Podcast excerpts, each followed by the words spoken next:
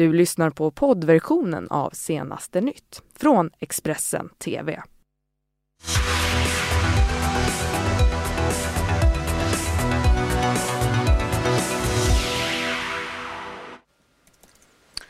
Ja, god morgon, varmt välkomna. Det är senaste nytt söndag. Jag heter Fredrik Lenander, har förberett nyheter för er. Så här ser de ut explosion i natt i Vällingby. Det är andra gången på kort tid som det smäller vid en och samma lokal.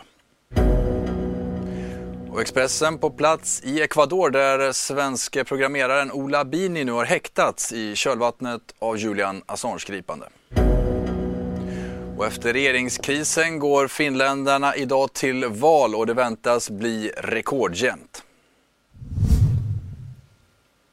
Mm, vi börjar i Stockholmsförorten eh, Vällingby där en explosion förstörde entrén till en bilverkstad under natten. Och enligt ägaren så är det andra gången på mindre än tre veckor som bilverkstaden har drabbats av detonationer.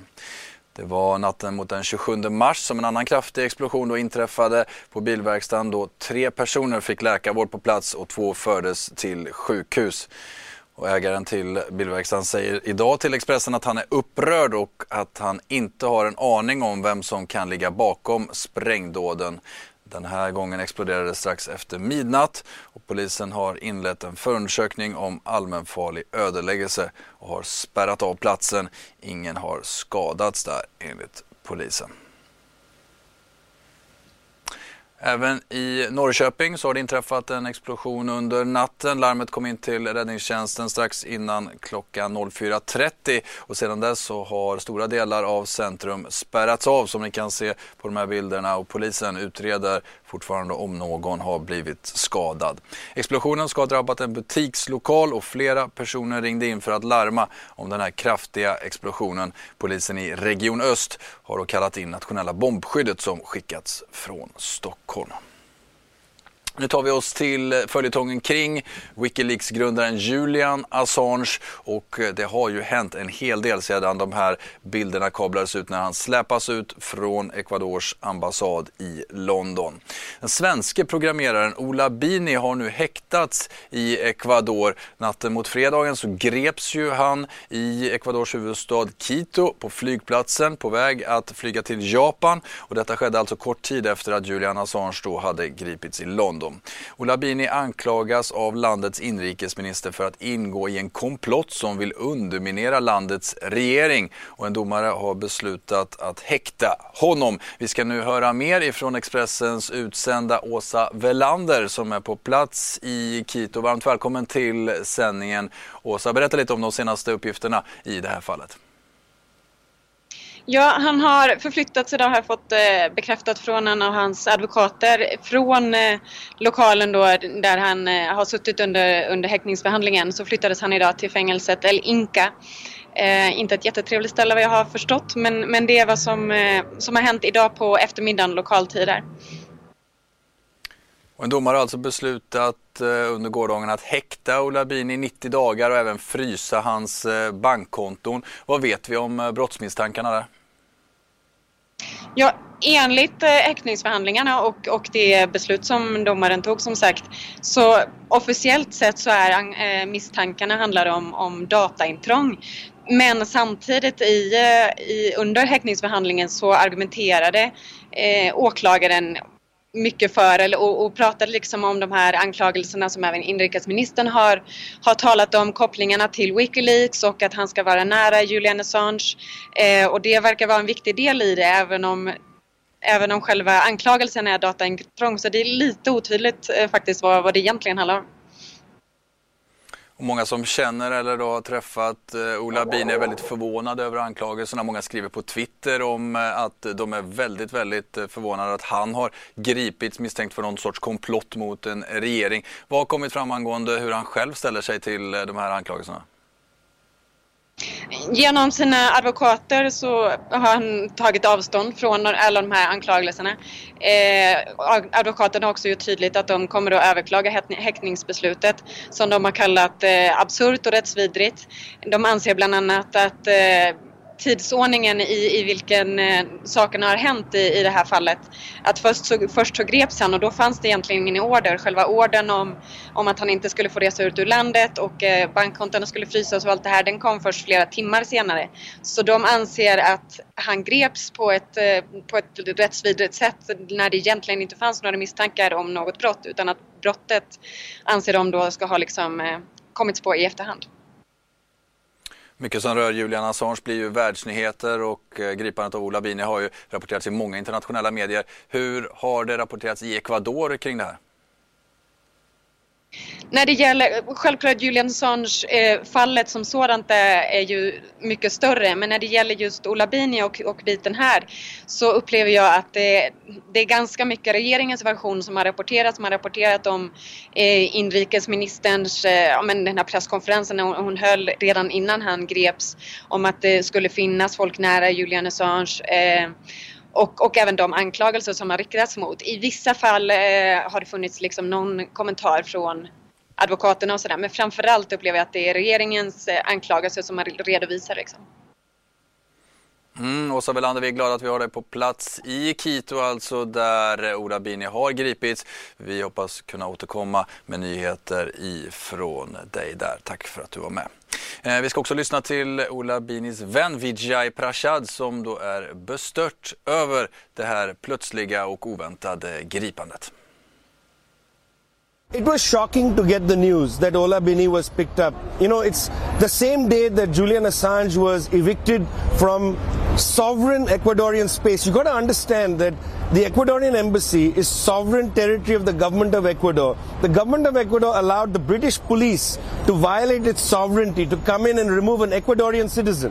I don't know if it's very clear to people that Julian Assange is a citizen of Ecuador.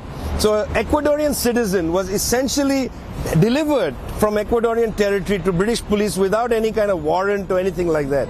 So I think this is something that I was shocked about reading in the morning. And then to hear Ola has been arrested, very quickly to hear these smears that, you know, he's close to Assange, he's in a plot to overthrow the Ecuadorian government, all of that was deeply shocking to me. Mm, många har alltså förvånats över programmeraren Ola Binis gripande. Vi har en längre text och mycket mer förklaringar på vår sajt om vad som har hänt kring det här fallet och och eh, folk som då eh, kallar Ola Bini för en fredlig programmerare som visserligen då känner Julian Assange men inte ska ha några kopplingar till hackerverksamhet.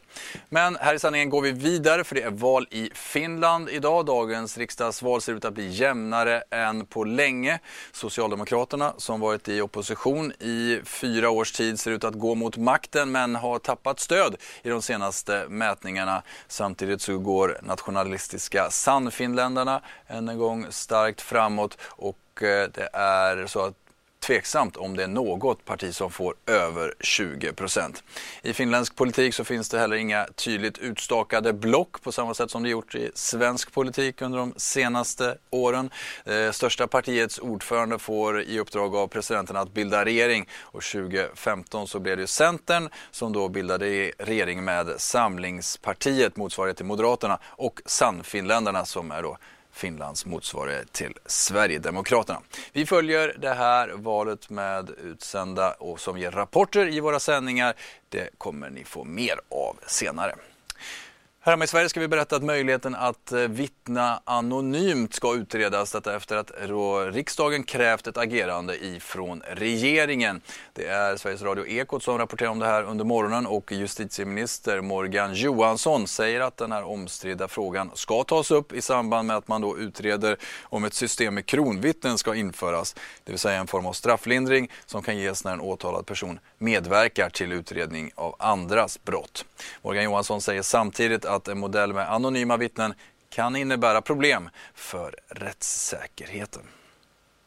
Och så till en tragisk tågolycka som vi rapporterade om under gårdagen. Och nu kommer det uppgifter om att ett två meter stort hål i ett stängsel kan gjort det möjligt för den lilla pojken att komma ut på järnvägsspåret i Kristianstad i fredags. Det här skriver Kristianstadsbladet om.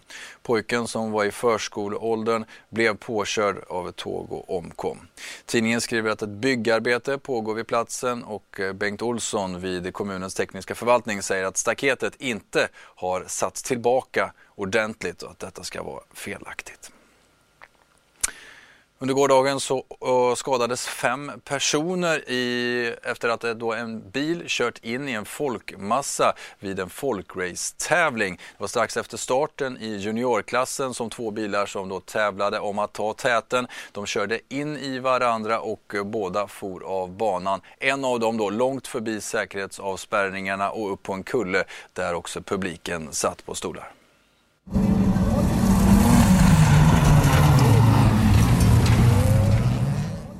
Under en av finalerna här på eh, avslutet ehm, så eh, var det två bilar som krokade ihop.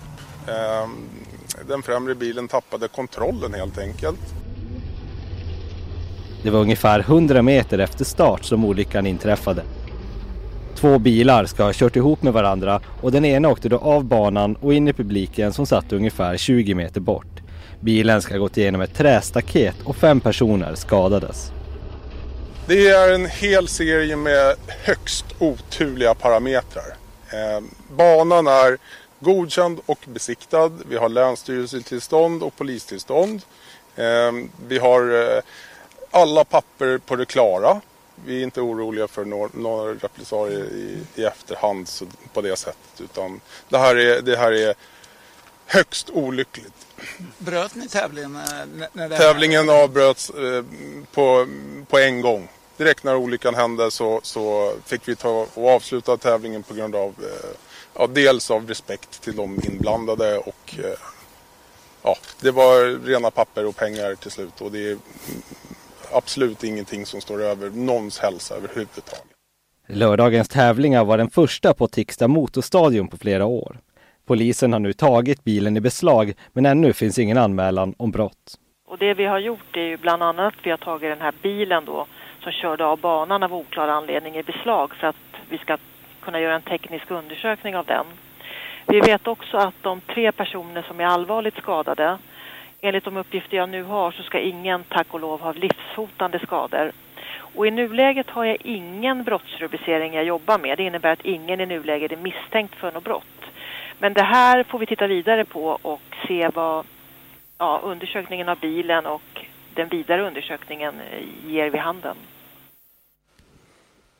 Ja, vi har en spännande morgon framför oss. Fler rapporter då ifrån det finländska valet och eh, vår utsända i Ecuador som ger oss det senaste efter svenska programmeraren Ola Bini som nu också har häktats i 90 dagar och hans tillgångar har fryst. Missa inte våra kommande sändningar här. Du har lyssnat på poddversionen av Senaste nytt från Expressen TV. Ansvarig utgivare är Thomas Mattsson.